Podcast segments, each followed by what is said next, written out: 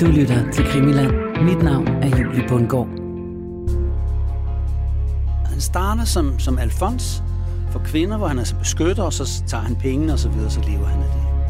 Og så lever han af, af, af være hæler, og, altså, men det, det, det er i mindre skala. Han er ikke nogen stor fisk på det her tidspunkt.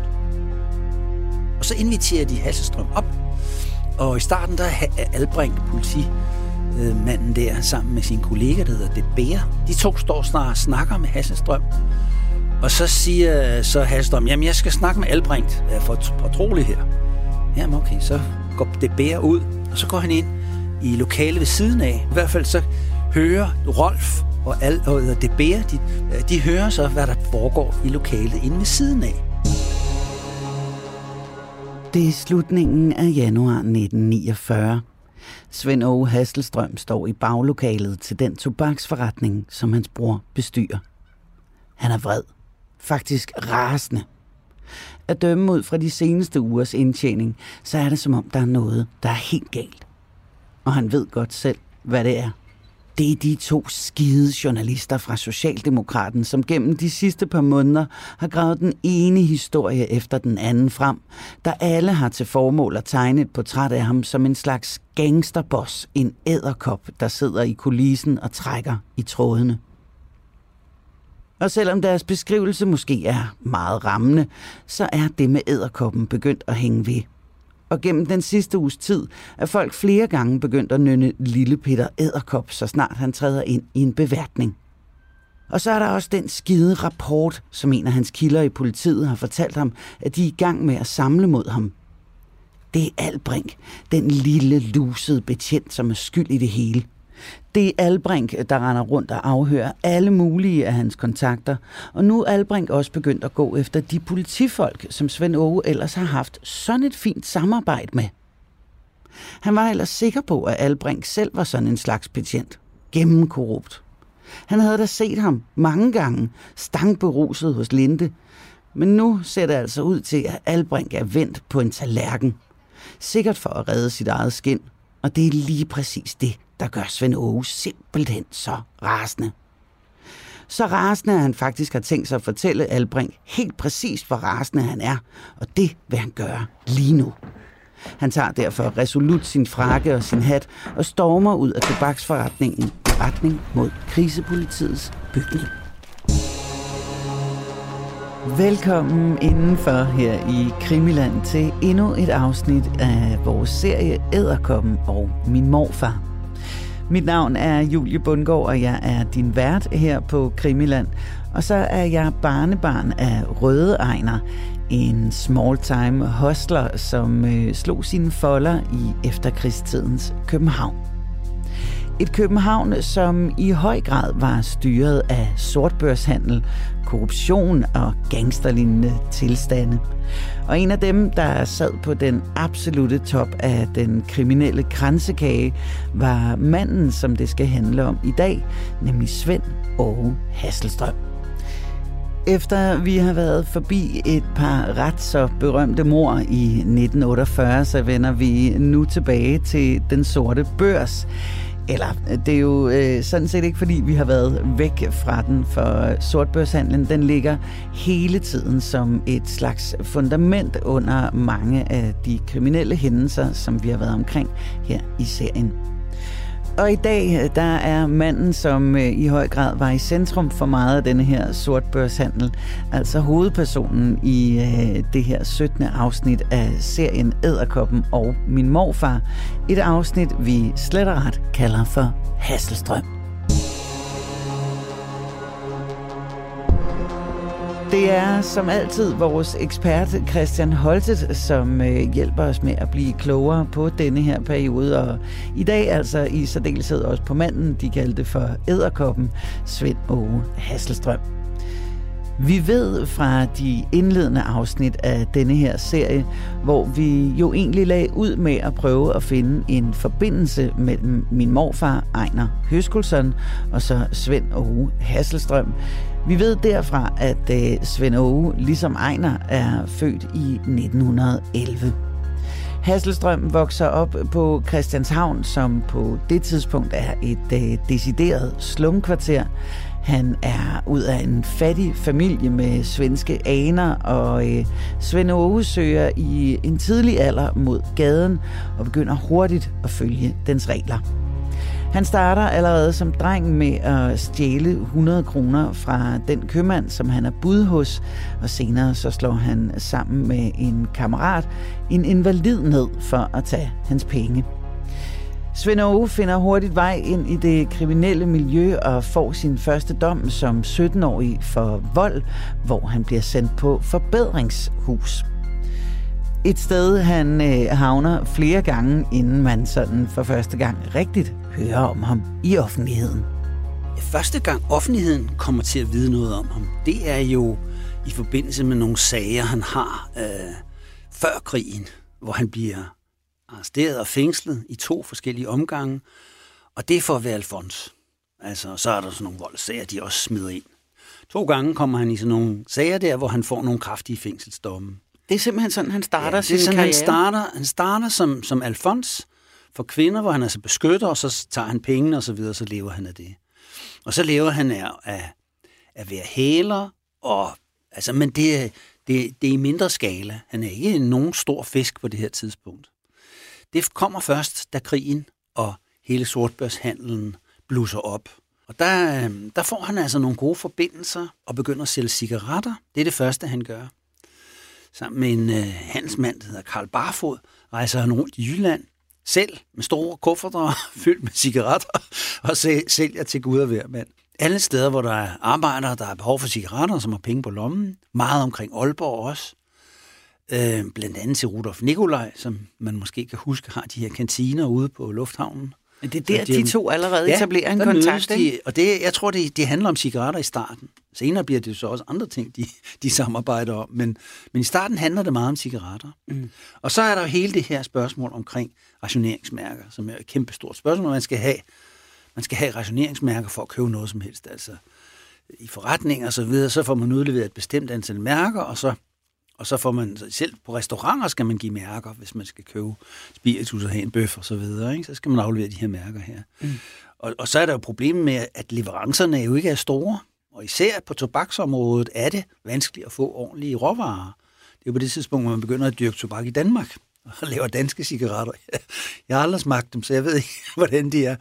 Normalt er det jo sådan noget, der skal laves i fugtige tropiske omgivelser, fordi det er sådan en tropisk plante, ikke, som skal mm. have masser af varme og masser af fugt og masser af sol. Ikke? Og det er vanskeligt at få tobak til Danmark. Ikke? Og meget, meget bliver smuglet til Danmark fra Sverige. Øh, meget kommer via tyske soldater, som har altså, fået det med fra Tyskland, eller som får det via deres egen ration, og så ryger de måske ikke, så bytter de videre. Ikke? Så det er altså, det, og det er svært at få fat i, og, og, så, så der er jo et godt marked der, et godt solidt marked der. Og det tjener han mange penge på, og det tjener han også, de tjener så også mange penge på de her øh, hvad hedder det, rationeringsmærker. Og netop rationeringsmærkerne og de mulige forretninger, man altså kan lave med dem, er med til at rykke Hasselstrøm fra sådan voldelig småkriminel til en helt anden liga. Og det, det helt store gennembrud for ham, kommer, da der bliver begået nogle meget, meget store kup ved Esrum og ved Gentofte. Der bliver lavet et indbrud på kommunekontoren. Det er der, man opbevarer mærkerne. Der bliver også lavet et meget stort uh, hold-up ved barfodstrykkeri. Jeg tror, vi har omtalt det tidligere. Det er jo så mange mærker, altså det er jo kæmpe stabler, altså millionvis af mærker. Og det kan man ikke, som indbrudstyv kan man ikke rende og afsætte sådan noget på gaden alene. Altså, dels vil man hurtigt blive opdaget, og, og dels vil det tage alt for lang tid. Så det, man gør, det er, at man afsætter det til en mellemmand, og måske gennem en mellemmand til, osv. Men, men mærkerne havner altså hos Hasselstrøm, som så betaler selvfølgelig ikke den fulde markedspris, eller hvad kan man sige, sortbørs markedspris for mærkerne, men, men altså en mellemting. Ikke? Han får en god rabat, fordi og, han tager imod ja, mange han tager en ordentlig parti, og så betaler han øh, selvfølgelig en stor sum penge til, til de der indbrudstyve, som har hugget de mærker, og så sætter Hasselstrøm ellers sine folk i gang. Og der sætter han Karl Barfod i gang, og han sætter forskellige andre. Han har, en, øh, han har flere interessante personager, som han samarbejder med. En af dem, det er en, som senere er blevet kendt under navnet Sorte Holger, og som der blev lavet et øh, tv-program for nogle år tilbage. Det er nok en 10-12 år siden, at det blev vist. Sorte Holger fortæller, og det er sådan en... Det ligger faktisk stadigvæk inde på YouTube. Man kan gå ind og trykke Sorte Holger i, i feltet YouTube. Så kommer det program frem. Der er nogen, der sådan har optaget det fra fjernsynet, så er det lagt ind på YouTube. Så nu ligger det der nærmest til evig tid, jeg tro, indtil YouTube bliver solgt til kineserne. Men, øh, det er et ret fremragende program. Ja, jeg det er et ganske godt program, og han fortæller ham der, Sorte Holger, om nogle af de ting, fordi han er nemlig helt ung på det tidspunkt. Han er en, eller gifter sig ind i en stor familie, som er i det indre by på det tidspunkt, hvor Halsestrøm slår sine folder. Og han er en af dem, som afsætter cigaretter og mærker for Hasselstrøm. Han er sådan en, en håndlanger type. Og en anden type, han har, det er en, der hedder Karl Andersen. Han er tidligere professionel bokser, en af de første kendte professionelle bokser i Danmark. Han vinder Danmarksmesterskabet øh, flere gange. Øh, I 1936 så bliver han øh, Danmarksmester i letvægt, og er sådan en, der bliver omtalt i aviserne. Og senere så bliver han professionel bokser og bokser i Europa. To gange i 1938 bokser han om Europamesterskabet. Så han er sådan en, der er, der er fremme, men på det her tidspunkt, hvor krigen er gået i gang, der tror jeg, det er gået lidt tilbage for ham. Han har faktisk nogle interessante øh, betragtninger, Karl Andersen der. Det er nemlig slet ikke så stjerne, øh, hvad skal man sige, støvs øh, agtigt, som man det er måske i dag, hvis man er professionel bokser. De tjener nærmest ingenting. Og, en ret brutal sport. Ja, det er en brutal, og de, og de tjener ingenting. Det, det, det er de der promotorer, eller promotorer, eller hvad sådan noget hedder, på, de, der, tager, der tager dem pengene. Han bokser ned i Paris, der bor han på værelse sammen med tre andre bokser. så altså, de er nødt til at dele som udgifter, når han fortæller om, at de, nogle gange har de ikke penge til noget som helst andet end kvart flyt og en, en halv flaske rødvin. Så, men han kommer så tilbage til Danmark, og han bliver så ansat af Hasselstrøm og sammen med Sorte Holger, der rejser de rundt og afsætter cigaretter og rationeringsmærker forskellige steder i landet. Plus forskellige andre, han har. Og så begiver han sådan en slags bagmand. Det er derfor, så det der æderkoppe aspekt kommer ind. Det er, nu rejser han ikke længere rundt med en nej, kuffert selv. ikke så meget selv mere. Jeg tror stadig, han rejser lidt rundt. Ikke? Han ja. bliver faktisk også dømt fire måneders fængsel sammen med sin bror oppe i Aalborg på et tidspunkt. Men, men altså, han begynder at få folk til at arbejde for sig. Og så, så er det jo så Socialdemokraterne, de to øh, journalister på Socialdemokraten, øh, Anders ja. Nørgaard og Paul Dalgaard, der, da de begynder at skrive om det efter krigen, lang tid efter krigen, så finder de på det der navn Æderkoppen. Altså, det er sådan en, der sidder og trækker i trådene. Mm. Og det er så det, han har på det tidspunkt. Der etablerer han sit spænd, sine tråde til sine udsendte folk rundt omkring i Danmark, der sælger alle de her forskellige ting. Forretningen går godt for Hasselstrøm, og han udvider konstant sit netværk og forstærker det med et farverigt galleri af personager, som begynder at arbejde for ham. Det begynder også at blive kendt, at manden har penge, og han, er også, øh, han kan også godt øh, købe altså, varer, sorte varer, som er måske noget, der er blevet stjålet. Sølvtøj bliver det senere afsat via forskellige andre folk til til guldsmede og så videre, som, øh, som så får det indlemmet i samlinger og omgrupperet lidt og så videre. Så Svend Ove fungerer altså lidt som sådan en handelscentral for alle mulige slags ulovlige varer. Hælervarer, rationeringsmærker, smuglercigaretter, og samtidig med at pengene vælter ind, så vokser hans netværk.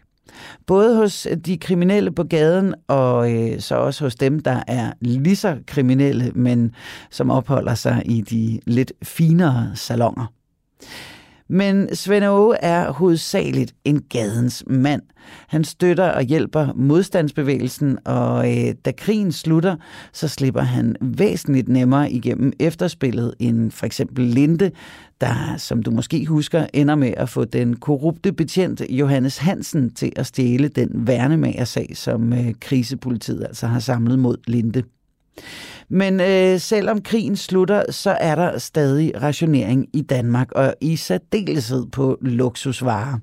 Og den slags er Hasselstrøm leveringsdygtig i, så hans forretning eksploderer. Det virker jo også som om, at han øh, på en eller anden måde også samtidig er i hvert fald mere vældigt end Linde i de her forbryderkredse, fordi det lader til, at der er flere, der er villige til at holde hånden over Hasselstrøm, end man er til at holde hånden over Linde. Øhm, og, og det tyder jo også på, at han er god til at, at holde folk gående. Ikke? Altså han er retfærdig på en eller anden måde, og man får de penge, ja. man, man har arbejdet for. Ja, han, er, altså, han holder altid sit ord. Mm. Altså, der er jo nogle af de her forbrydere, som så efterfølgende fortæller politiet om nogle forhold, øh, og som også altså, bliver brugt som, som vidner i retssagen. Så de får jo nogle oplysninger, men, men de fleste, de holder jo kæft. Og, og det gør de jo selvfølgelig, fordi at de, de ved, at, at de bliver belønnet af Hasselstrøm for ikke at sige noget. De har også en klar overbevisning om, at Hasselstrøm holder et løfte, når han har sagt, at han vil betale nogle bestemte penge, så betaler han også de penge der. Øh, og han har jo et ry for at være øh, gavmild med drikkepenge, altså tjener og får store drikkepenge, han giver penge til viseverden, og øh, viseverden der i ejendommen, da politiet ude undersøgte, fortæller sådan en rørende historie om ham og hans kone, Erna hedder hun, de kommer hver jul til med en gås og en flaske snaps, og sådan og går de rundt og, og giver til venner og fattige i kvarteret og så videre. Det, det er tårvedende historie der. Han, han, han, er, han er vældig på den måde. Ikke? Det, det, der går en historie i, øh, hvad hedder det, i kredse der, hvor man siger, altså på BRV, der, der kører de på, på jævnstrøm, og i, i byen kører de på vekselstrøm, men herinde i, i Indre By, der kører vi på Hasselstrøm. Så, men det er den ene side. Den anden side er jo, at han er en brutal fætter. Altså, hvis man bryder de uskrevne regler, hvis ikke man overholder aftalen, hvis ikke man leverer varen, når man så må sige, i bogstaveligste forstand, hvis man på en eller anden måde forbryder sig mod de uskrevne regler, så bliver der slået hårdt ned. Og det er så nogen som bokser Karl Andersen der, som, sen, som flere, i øvrigt flere gange bliver dømt for vold. Altså. Mm. Tænker, dem har han altså nogle stykker af sådan nogle, nogle folk med, med pænt store overarme, og ikke den største samvittighedskval, hvis de får besked på, at de skal give en et par øre til. Ikke? Og han er selv frisk til at, som i sagen med din morfar, hvor han altså lover øre til, og måske bliver der også langt nogen ud.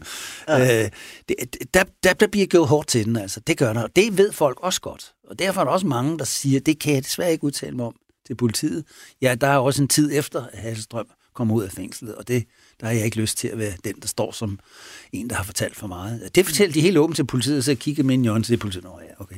Den har vi hørt nogle gange før. Ja. Så der er, den, der, der er to sider af mønten, når man så må sige. Ikke? Hasselstrøms forretninger går altså strygende de første sådan 2-3-4 år efter krigen. Faktisk så vokser de helt enormt, og han omsætter for helt utrolige summer. Men i 1948, et øh, i forvejen helt vildt år, når det gælder kriminaliteten, som vi jo altså har været inde på i nogle af de foregående afsnit, Hen mod slutningen af det her øh, helt vilde kriminelle år, der begynder de to journalister, Anders Nørgaard og Paul Dalgaard fra avisen Socialdemokraten, at grave i den sortbørshandel, der sådan mere eller mindre åbenlyst foregår alle steder. Det starter jo sådan set med, at øh, Socialdemokraten begynder at skrive om den her æderkop, og det gør de i øh, november og i december. I november er de lidt, ene, lidt alene om det. Der er det mest Socialdemokraterne, skriver, men efterhånden så begynder jo også de andre blade at skrive om det. Her er vi i 47, I? Nej, efteråret 48. Efteråret 48, ja. ja. Og så, og så december 48, der begynder de rigtig at skrive om det. Og så, så bliver politiet jo spurgt. Altså, mm. hvad, kan det have sin rigtighed? Og så i starten benægter jo politiet, ja, det, altså, det, vi har haft en sag mod ham, men altså, det er ikke noget særligt. Det er der er masser af sådan nogle sortbørshandlere og så videre. Det er ikke noget, og nogen benægter decideret, at der er sortbørshandel øh, ulovlighed i det omfang, som Socialdemokraten skriver om. Altså flere ledende politikommissærer fra blandt andet ham, der hedder Agdal fra Grisepolitiet, som jo altså må sådan set regnes for at være specialist på området, og siger, nej, der er ikke noget om det, det er ikke noget sådan særligt. Og ham, der er leder af, af de flyvende, det flyvende korps, der kører ud, altså nogle, der, der opklarer kriminalsager. Bjerring hedder han. Altså, nej, det er ikke noget særligt. Det er ikke noget. Det, vi skal de ikke blande dem i. Og sådan noget. Det, det behøver vi ikke snakke så højt om. Og sådan noget, ikke? Altså, Men det er fordi, de selv er indblandet? Eller nej, jeg tror, altså, det er fordi, de ikke er klar over omfanget. Mm. Øh, og, de, og de synes ikke, at, at øh, de synes ikke om, at bladene begynder at skrive, at politiet er forsømmeligt. Det er Socialdemokraten antyder, mere end antyder. Og efterhånden bliver det jo en, altså en åben sag, i pressen, at politiet har været forsømmelig, og at der er korruption, og man har holdt hånden over øh, forbrydere, man har lavet sager droppe, og så videre. Ikke? Altså, det, det bliver sådan et tema i avisen. Og det er der måske nogle af dem, der tænker, det skal det, på det tidspunkt, til tidlige tidspunkt i efteråret 48, det skal vi jo ikke ind i det der. Altså, vi vil ikke kritisere politiet. Så derfor så vi jo ikke indrømme, at de ikke har fuld styr på det, og de ikke efterforsker alt, hvad der kan efterforske. Det skal jo ikke være sådan, at bladene ved mere end politiet. Vel? Det kan de i hvert fald ikke indrømme. Men derfor bliver, her holder de sagen hen. Normalt er det jo sådan, at journalisterne skriver det, politiet siger.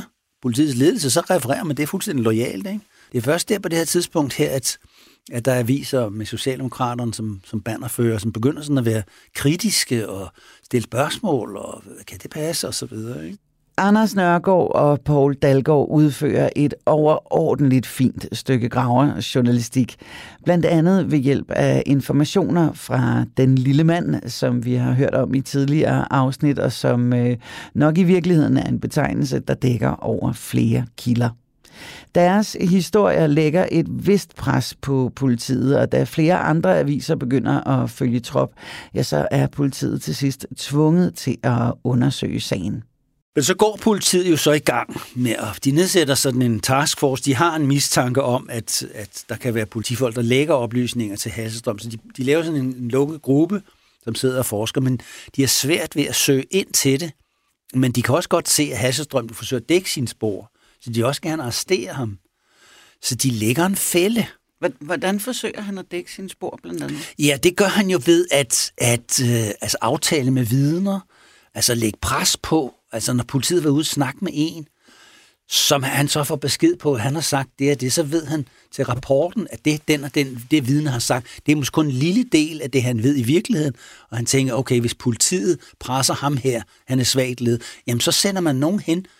Du snakkede med politiet her sidste torsdag, ikke? og der sagde du, at sådan og sådan og sådan, ikke? Altså, det, det, du skal ikke snakke mere. Det skal du i hvert fald ikke. Nu skal du ikke sige mere.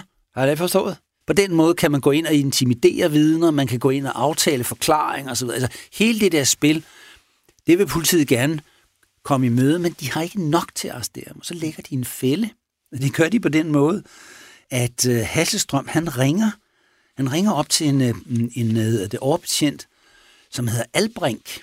Og Albrink, han er med den her, med den her taskforce, og han har været rundt og spørge en hel masse af de her forskellige altså kumpaner, ikke, som Hasselstrøm har, og Hasselstrøm han er rigtig sur. Mm. Så ringer han op til Albrecht, jeg vil gerne have et møde. Jeg siger, Albrecht, jeg skal da ikke møde dem. Altså det. Så, øh, så siger han, jo, det vil jeg gerne have. Og sådan noget. Så går han ind til sin overordnede, som hedder Rolf, som er politiadvokat, og som er leder af den her taskforce, og siger, hvad er Halsestrøm snakke med mig? Og sådan noget. Nå, jamen, så, så lad os gøre det. Så, så inviterer ham op på politigården. Så står vi andre inde ved siden af, og så kan vi høre, hvad der bliver sagt. Fordi han sagt, at han vil tale med dig for så det kunne være noget interessant, altså. Måske vil han forsøge at bestikke dig. Det tror jeg, de har en mistanke om. Han vil forsøge at bestikke ham. Mm. Og så kan de jo så have vidner på det, og så kan man måske fængsle ham for bestikkelsesforsøg. Han forsøgte at bestikke betjent. Sådan noget. Det har de mistanke om, han lavede mange gange. Så det, jeg tror, det er derfor. Så inviterer de Hasselstrøm op, og i starten der er øh, manden der, sammen med sin kollega, der hedder Debære. De to står snart og snakker med Hasselstrøm, og så siger så Hasselstrøm, jamen jeg skal snakke med Albrecht øh, for fortrolig her. Jamen okay, så går det ud, og så går han ind i lokalet ved siden af, og så tror jeg, de havde lavet døren stå på klem, eller på en eller anden måde. I hvert fald så hører Rolf og, Al, og det bære, de, øh, de hører så, hvad der foregår i lokalet inde ved siden af. Jeg skal lige finde et lille kopi frem af politikrapporten. så siger Hasselstrøm, at han, øh, han, er, han, er, han er godt sur. Ja, yeah, smadrer sur på ham, det Albring der, ikke? Han er helt rød i hovedet og sådan noget. Og han, han starter egentlig med at være, være venlig, og sådan. han er sådan venlig, og så pludselig så skifter han om. Så siger han, de skal vide, jeg kan ikke fordrage dem. Og den måde, de i den senere tid har forfulgt mig på, så er jeg blevet klar over, at de heller ikke kan fordrage mig. Øh, nå, Albring, står sådan og kigger lidt forundret. Det er jo altså ikke noget bestikkelse, der er i gang her. Hvad, hvad, hvad, hvad, hvad sker der her? Jeg har ikke glemt den gang, de anholdt mig, siger han så. Albring har anholdt ham i en mindre sag nogle år tidligere. Så han har altså lidt nag til ham der. Og så, så kommer så Hassestrøm og siger, at øh, hvis ikke de straks holder op med at forfølge mig, og afhøre min omgangskreds, øh, om hvilke politifolk jeg kommer privat sammen med, så skal jeg nok spørge, sørge for, at de får sådan et spark bag i, at de brækker kæben. og Albring er det øh, hvad for noget? Hvad sker der her? og så siger han også, at hvis, øh, jeg ved sige, Hasselstrøm også er blevet helt rød i hovedet på det her tidspunkt, så siger han også, at hvis, hvis øh, uh, Albring han bliver skyldig, at der er en, en bestemt politimand, som Halsestrøm arbejder sammen med, hvis han bliver anholdt, eller bliver afskediget, så skal jeg ligeledes sørge for, at de kommer ud på landevejen.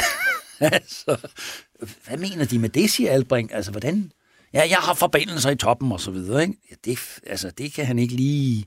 Men altså, Hasselstrøm truer så Albring, men hvis ikke han stopper sig, det er slet ikke bestikkelse det her, det er decideret trussel. Du får bank, så kæben brækker, og du bliver fyret. Altså, du kan godt stoppe. Det er jo altså den helt store forhammer, han piller op af baglommen her lige pludselig over for Albrecht. Han så skrev den rapport lige bagefter, sammen med de to, der står inde og lytter ved, så det, det er ret tæt på virkeligheden. Det er der ingen tvivl om, det her.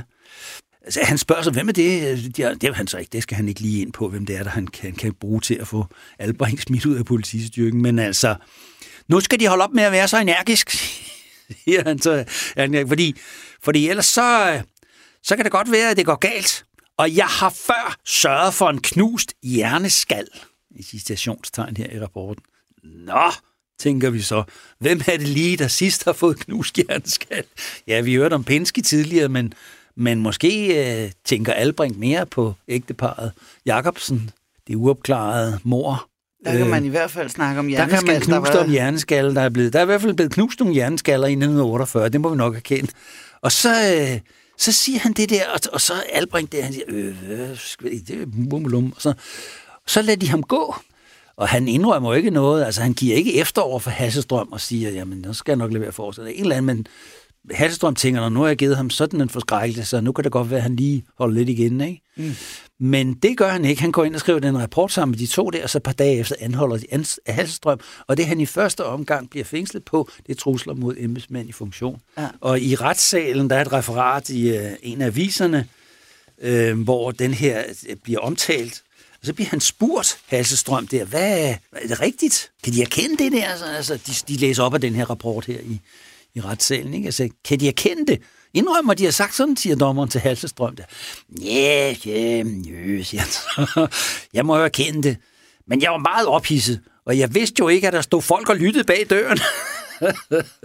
det synes jeg er morsom bemærkning. Så havde jeg sagt det helt anderledes. Jeg synes nu, det ser meget værre ud på papir. altså, man, man siger jo sådan noget, siger han så jeg vil give, jeg vil, jeg, siger, altså, man siger jo, jeg vil give Albring en for panden, altså et slag, altså, men det er jo ikke korporligt. Nå, okay, hvordan skal det så forstås? men så siger dommer, han bliver lidt umodig, jeg kender de udtalelserne eller ej. Ja, altså, jeg har i hvert fald delvis, jeg har, i, jeg har i hvert fald delvis erkendt det, siger Alsestrøm. Selvom jeg ikke synes, at det lød så slemt. Jeg kan hverken sige ja eller nej. Ja, men altså, jeg indrømmer, jeg er bedt i denne sag. Der er jo tre, fire, fire mand imod mig. og så vil jeg godt give min uforbeholdende undskyldning til Albrecht, så griner han lidt. så, så kommer så det, så okay, så har han så givet en undskyldning. Så tænker han, så er den god nok, ikke? Men det synes dommeren jo nok ikke, vel? Men så lidt senere, så siger dommeren, altså, hvad med det her med den her knuste hjerneskal? Har de sagt det med den knuste hjerneskal? Nej, jeg vil jo ikke gøre vold, men altså, jeg vil ikke modstride, at jeg måske sagde det, for det, det kan jo ikke gøre sagen værre. han har kendt den, han slipper ikke ud af den her. At de kan, de kan selvfølgelig kun være glade for, at de får anledning til at fængsle mig, siger han til det, det er en skøn, skøn øh, jeg ved det, udvikling af synspunkter her. I, øh, og så siger han så også det der med, at han har gjort meget mere, end, øh, end, end, det, han har, end det, han bliver sigtet for. Og sådan noget. Ja, det må han så også erkende og sådan noget. Og så, går han så, så bliver han så fængslet, og så bliver han ført ud af politiet.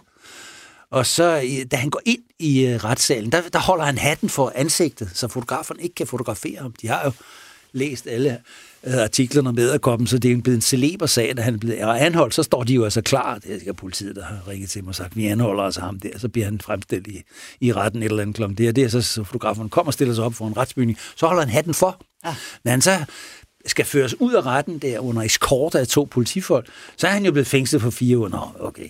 Så stiller han sig op, så stor griner han til fotograferne, og så siger han, nå, nå dreng, så tag et, så tag et kønt billede af mig.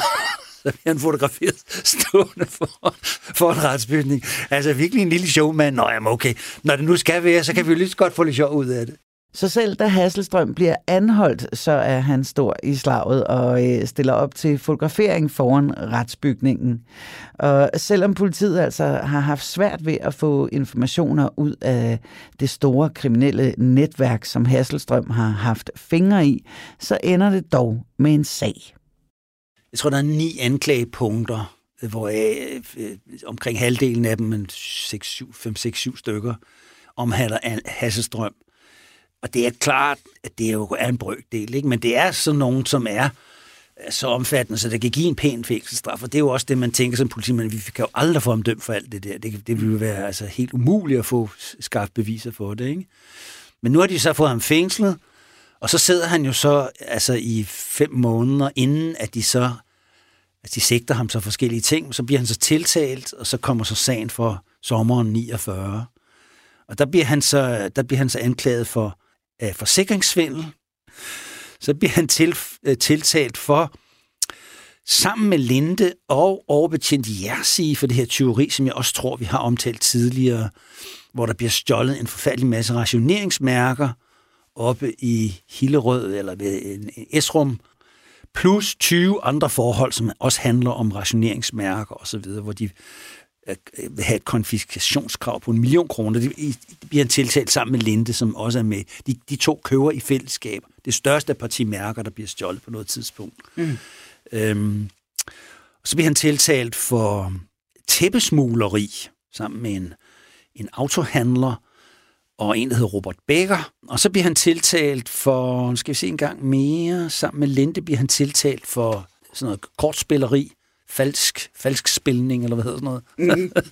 altså med falske kort, ikke? Og så de øvrige tiltalepunkter, de omfatter sådan set Linde. Det kan vi så lade stå her. Ikke? Men, mm. men, men det er jo altså fire-fem punkter, som jo i sig selv ikke er sådan voldsomt graverende. Vel? Men især det der tredje punkt, hvor han altså bliver tiltalt for altså at have handlet med, med, med stjålne rationeringsmærker, plus 20 lignende forhold. Ikke? Mm. Det er en sådan hovedpunktet. Ikke? Og det, det bliver han så dømt for seks års fængsel, øh, som han så afsoner de fire år og kommer ud efterfølgende. Jeg sad og tænkte lidt på, Christian, øh, Altså, du siger det her med, at de ender med at, at, øh, at køre sagen mod Hasselstrøm på en, hvad var det, en 5-6 punkter, og så nogle 20 små punkter-agtigt, ikke? Øhm, men vi ved jo også fra Æderkop-sagen, at der jo ligger enormt mange henlagte ja. sager, hvor politiet, altså de har en mistanke om, at der er sket en hel masse ting, men de kan ligesom ikke få det endelige afgørende bevis. Du har jo set alle de her henlagte sager. Altså, hvor meget fylder det? Altså hvis man nu forestillede sig, at der var hold i alle dem. ja, det, er jo, det er jo meget blandet. Der er også meget af det. Der med, altså Linde og Hassestrøm, plus der er jo en 14-15 yderligere anklaget i den her æderkopsag, ikke? Ja. plus politifolk. Så det, og, og, og de der henlagte sager, de er jo ikke sådan rubriceret under Hasselstrøm henlagte, Linde henlagt. Altså de ligger sådan i den rækkefølge, de er blevet henlagt, om man så må sige. Ikke? Ja. Dem er der så tusind af, tusind sager, som er, altså ikke alle sammen handler om kriminelle forhold, det kan bare være henvendelser og så videre. Ikke? Mm. Men altså, ja, jeg vil da i hvert fald skyde på, at der er mindst 100 forskellige ting, hvor folk kommer og fortæller noget til politiet, eller politiet får et tip, hvor de prøver at efterforske, men kan ikke komme videre, ikke? Mm. og som handler om mange, mange forskellige ting. Ikke? Linda Hasselstrøm bliver også kædet sammen med guldsmugling, diamanter, øh, forskellige 20 koster, der bliver stjålet fra altså celebre indbrud og så videre, ikke? Men som man ikke kan bevise? Som man ikke kan Narkotikahandel bliver de... Der er folk, der kommer og siger, at de handler med narkotika, mekodrin, amfetamin, øh, morfin handler de med, og så videre. Altså, ja, yeah, det kan da sagtens tænkes. det var måske ikke så moral, moralsk. Dengang var det ikke så moralsk anstødeligt, som det er mm. i dag. Så det, jeg kan da sagtens forestille mig, at de har handlet med det, hvis de er kommet over det. Ikke? Men det er ikke noget, politiet kan bevise. Og på et tidspunkt tænker de jo også, nu har vi nok. Altså om vi så dynger yderligere 10 sager på, han får ikke mere. Han, han får de der 6, 6-7 års fængsel, og det, det er jo så det. Så jeg tror sådan set, at da de først kommer i gang, får renset ud i de der kriminelle politifolk, som tager mod bestikkelse, får stoppet lækagerne. Der er masser af lækager, de får stoppet efterhånden, ikke? og får tiltalt de der 15-20 politifolk. Ikke? Så tror jeg sådan set, de er godt tilfredse. Ikke? Altså, og så må man også sige, at kritikken måske i første omgang af politiet, at der er brødende kar, er berettiget. Ikke? Den er, den, det er sådan set ok, at den er der. Men efterfølgende, der må man sige, der bliver rettet godt og grundigt op. Altså, der bliver gået hårdt til værks, øh, og, og i en lang periode efterfølgende, der er der ikke noget korruption af betydning. Der er selvfølgelig altid nogle brødende kar, men altså ikke af betydning, og slet ikke i omfang, som man ser frem til, til 48. Hasselstrøm afsoner altså fire år i forbindelse med æderkopsagen. Men det er faktisk lige ved, at han kommer ud noget før tid. Ikke for god opførsel, men simpelthen i noget, der er lige ved at minde om et øh, flugtforsøg. Eller det er i hvert fald, hvad nogen forsøger at bilde Hasselstrøms kone Erna ind. Men der er jo altså en masse, masse sjove historier. Mens han sidder fængslet i øvrigt, så, så kommer der en sådan lidt pussy historie ved det, at hans kone Erna Hasselstrøm, hun bliver ringet op en dag, og så er der en, en mand, og han siger, at han vil gerne øh, høre, om hun har et billede af Svend Hasselstrøm. Ja, faktisk, hun har fire billeder. Det skal bruges til pas. Og de kunne måske også begynde at pakke en kuffert med tøj til deres mand. Og hun er altså lidt forvirret, hvad, hvad går det her ud på og sådan noget.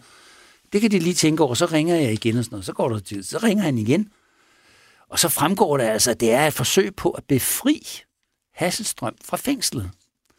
Og den her mand, han siger, jeg kender politifolk på i, altså fængslet, og jeg kan få befriet øh, Svend Hasselstrøm, mens han er på politigården, og så kan han blive smuglet, og de kan komme med til Sydamerika. Var det noget?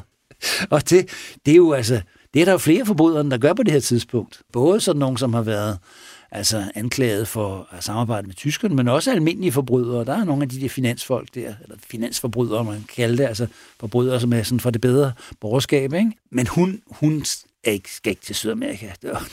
Ellers tak. Og jeg, tror, hun, jeg tror også, hun ved, at det skal en mand stille. Ikke? Så i stedet for at, at, at, at sige, ja, det gør vi, og begynde at pakke kufferter, så ringer hun til politiet, og ringer til Svend Hasselstrøms bror, Christian Hasselstrøm. Og den politimand, hun får fat på, det er det er Roland Olsen. Han kommer også ind i den her sag her. Han møder vi tit rundt omkring i de ja. sjoveste tilfælde. Og så bliver han, så siger, så siger Roland, den er fint. Spil med på det, så skal vi fange ham der. Det er et forsøg på drageri, det der. Og, og, og ligger noget bagved.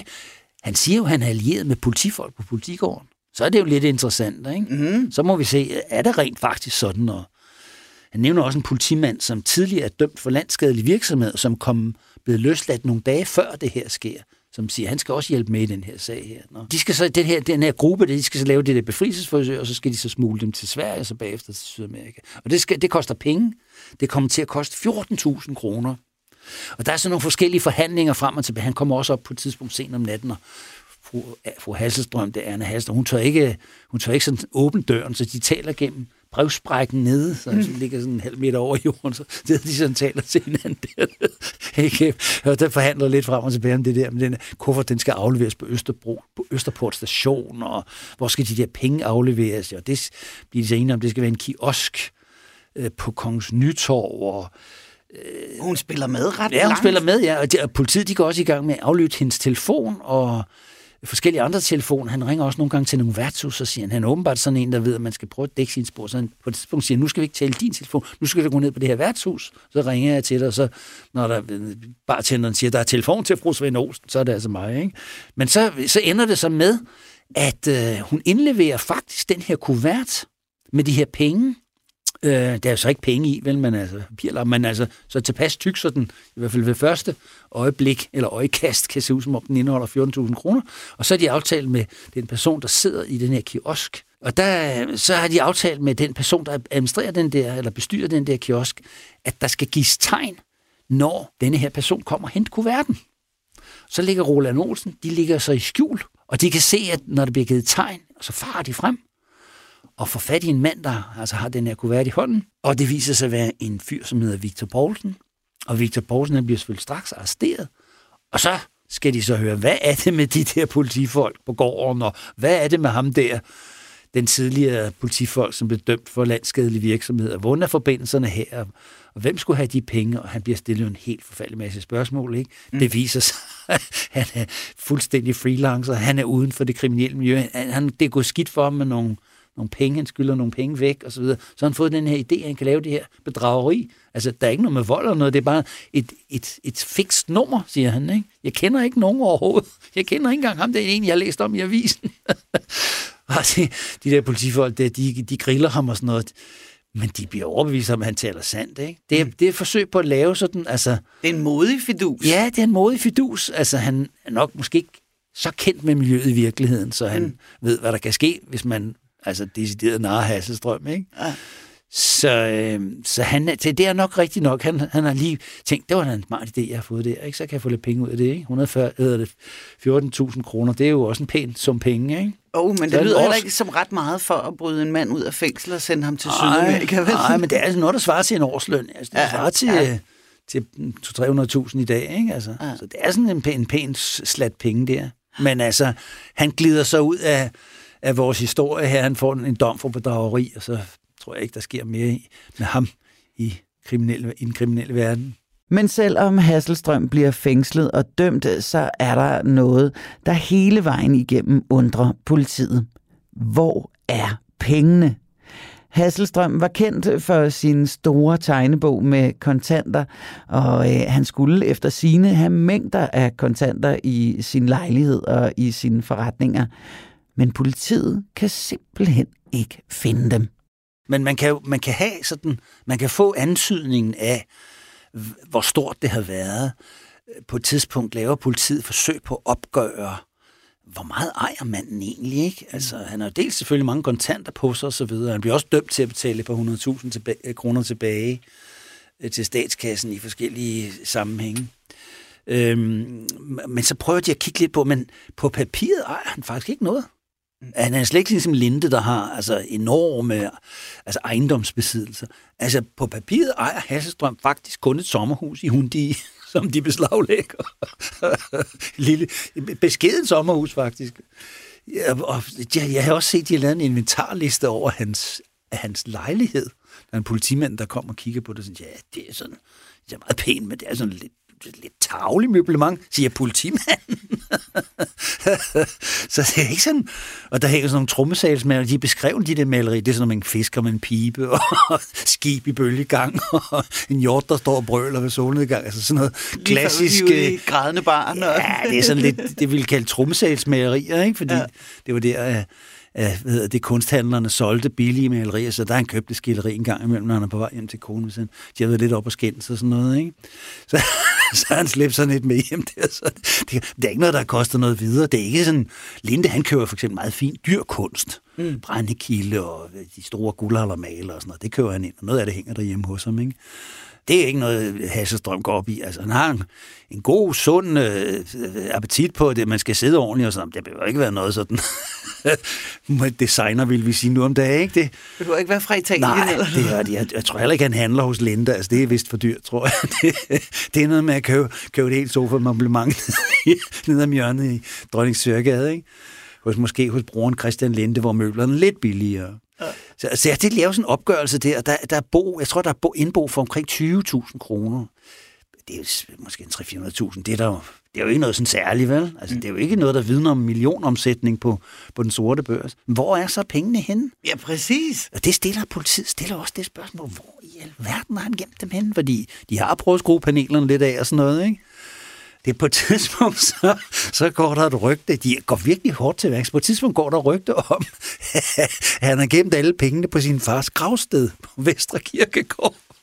Så, så går øh, politiadvokat Dorn Jensen og, sk- og politiadvokat Skander Madsen, det er de to, der, der arbejder med sagen her, plus tre kriminalbetjente og en tekniker øh, med minesøger og kordegnen efter kirkegården der, hvor Frelser Kirkegård, den er lukket. Og så går de ellers i gang med spader og minesøger og fjerner stenene, og alt bliver endevendt, og planterne kommer op, og de graver løs. Altså, jeg tror ikke, de kommer helt ned til kisten, men de går i hvert fald grundigt til værks.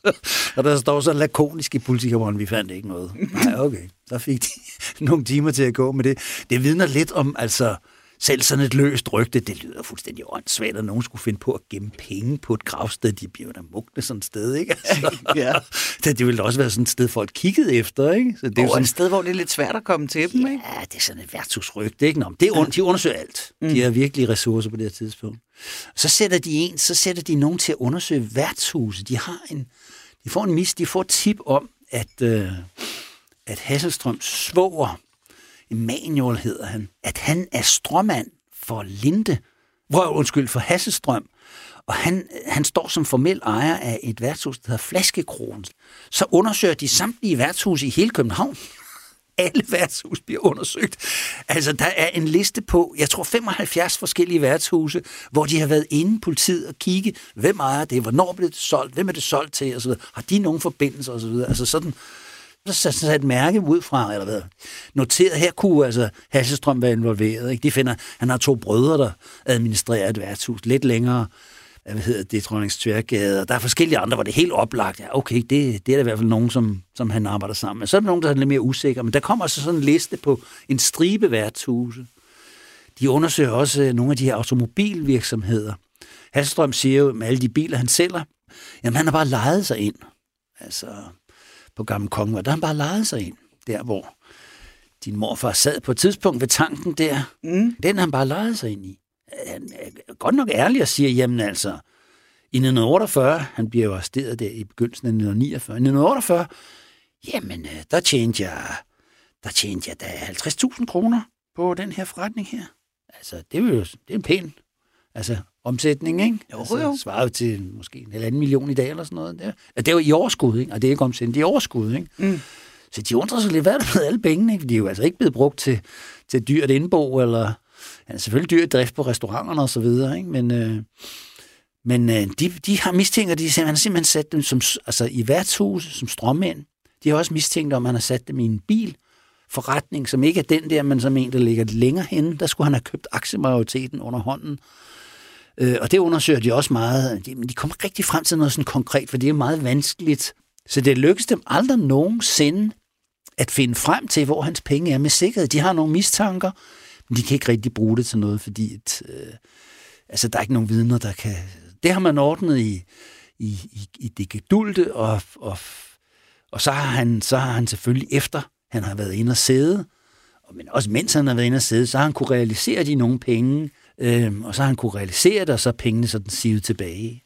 Og da han kommer ud i 53, altså der, der køber han faktisk en større ejendom i København. Øh, det er så lidt ude af Åboulevarden af, ikke? Men, øh, med hvor han ejer, og hvor der også ligger nogle værtshus i og sådan noget. Så, så de penge er jo ikke sådan nogen, han har tjent ved at sidde og, og, og, og bøje glemmer i Vesterfængsel.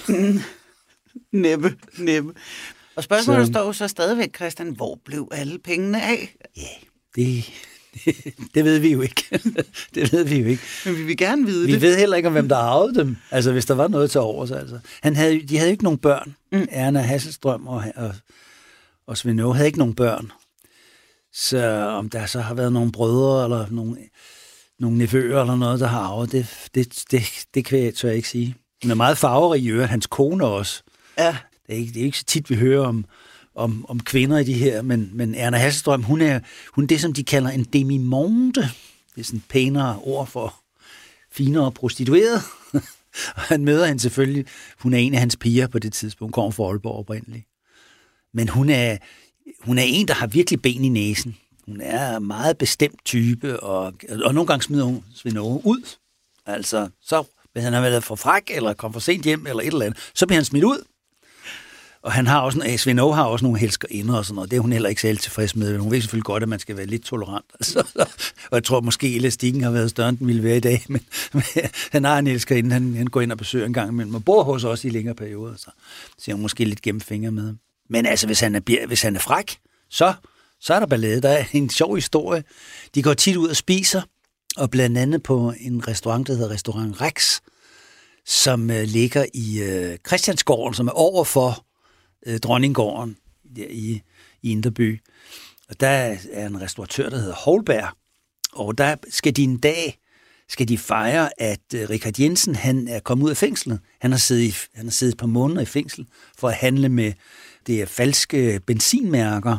Det er vores ledende kommunistven ja, og ja, tidligere søf ja, formand. rigtig gode venner med, med, med Svend men, men især også meget gode venner med Erna.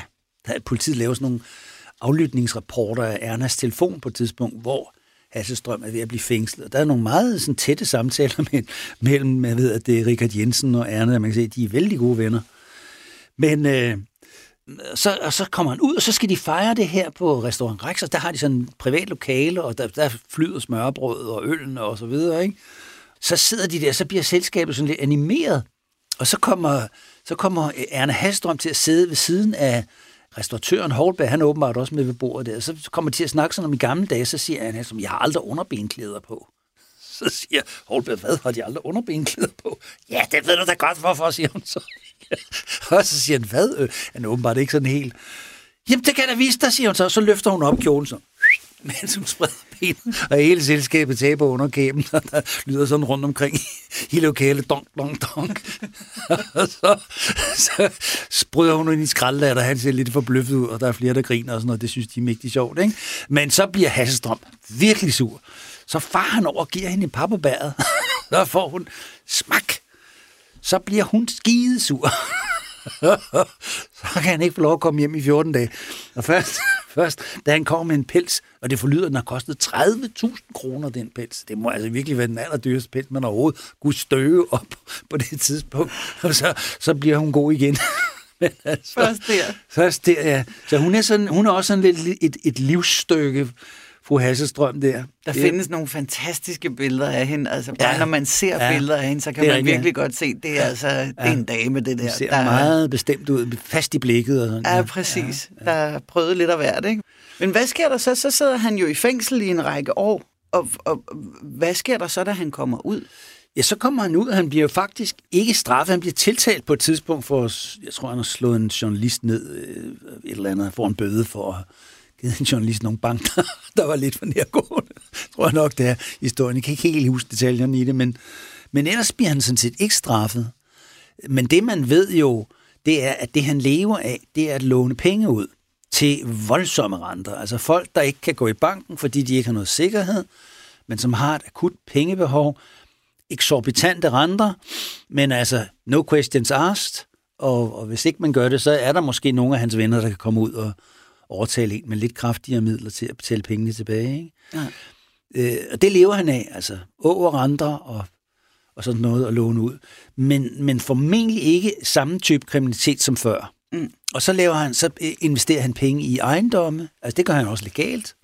Køber forskellige ejendomme selv med fortjeneste og sådan noget. Så han lever ganske udmærket, det er der ingen tvivl om. Og nogle af de penge, som han altså har tjent før æderkoppesagen ruller, dem har han altså på en eller anden måde fået placeret i fast ejendom, og så efterfølgende kunne få fri igen, så han har råd til at lave de der fordi når man kommer ud af fængsel og ikke har en øre, så er det ikke sådan lige, man kan gå ind og købe en større ejendom i det indre København, vel?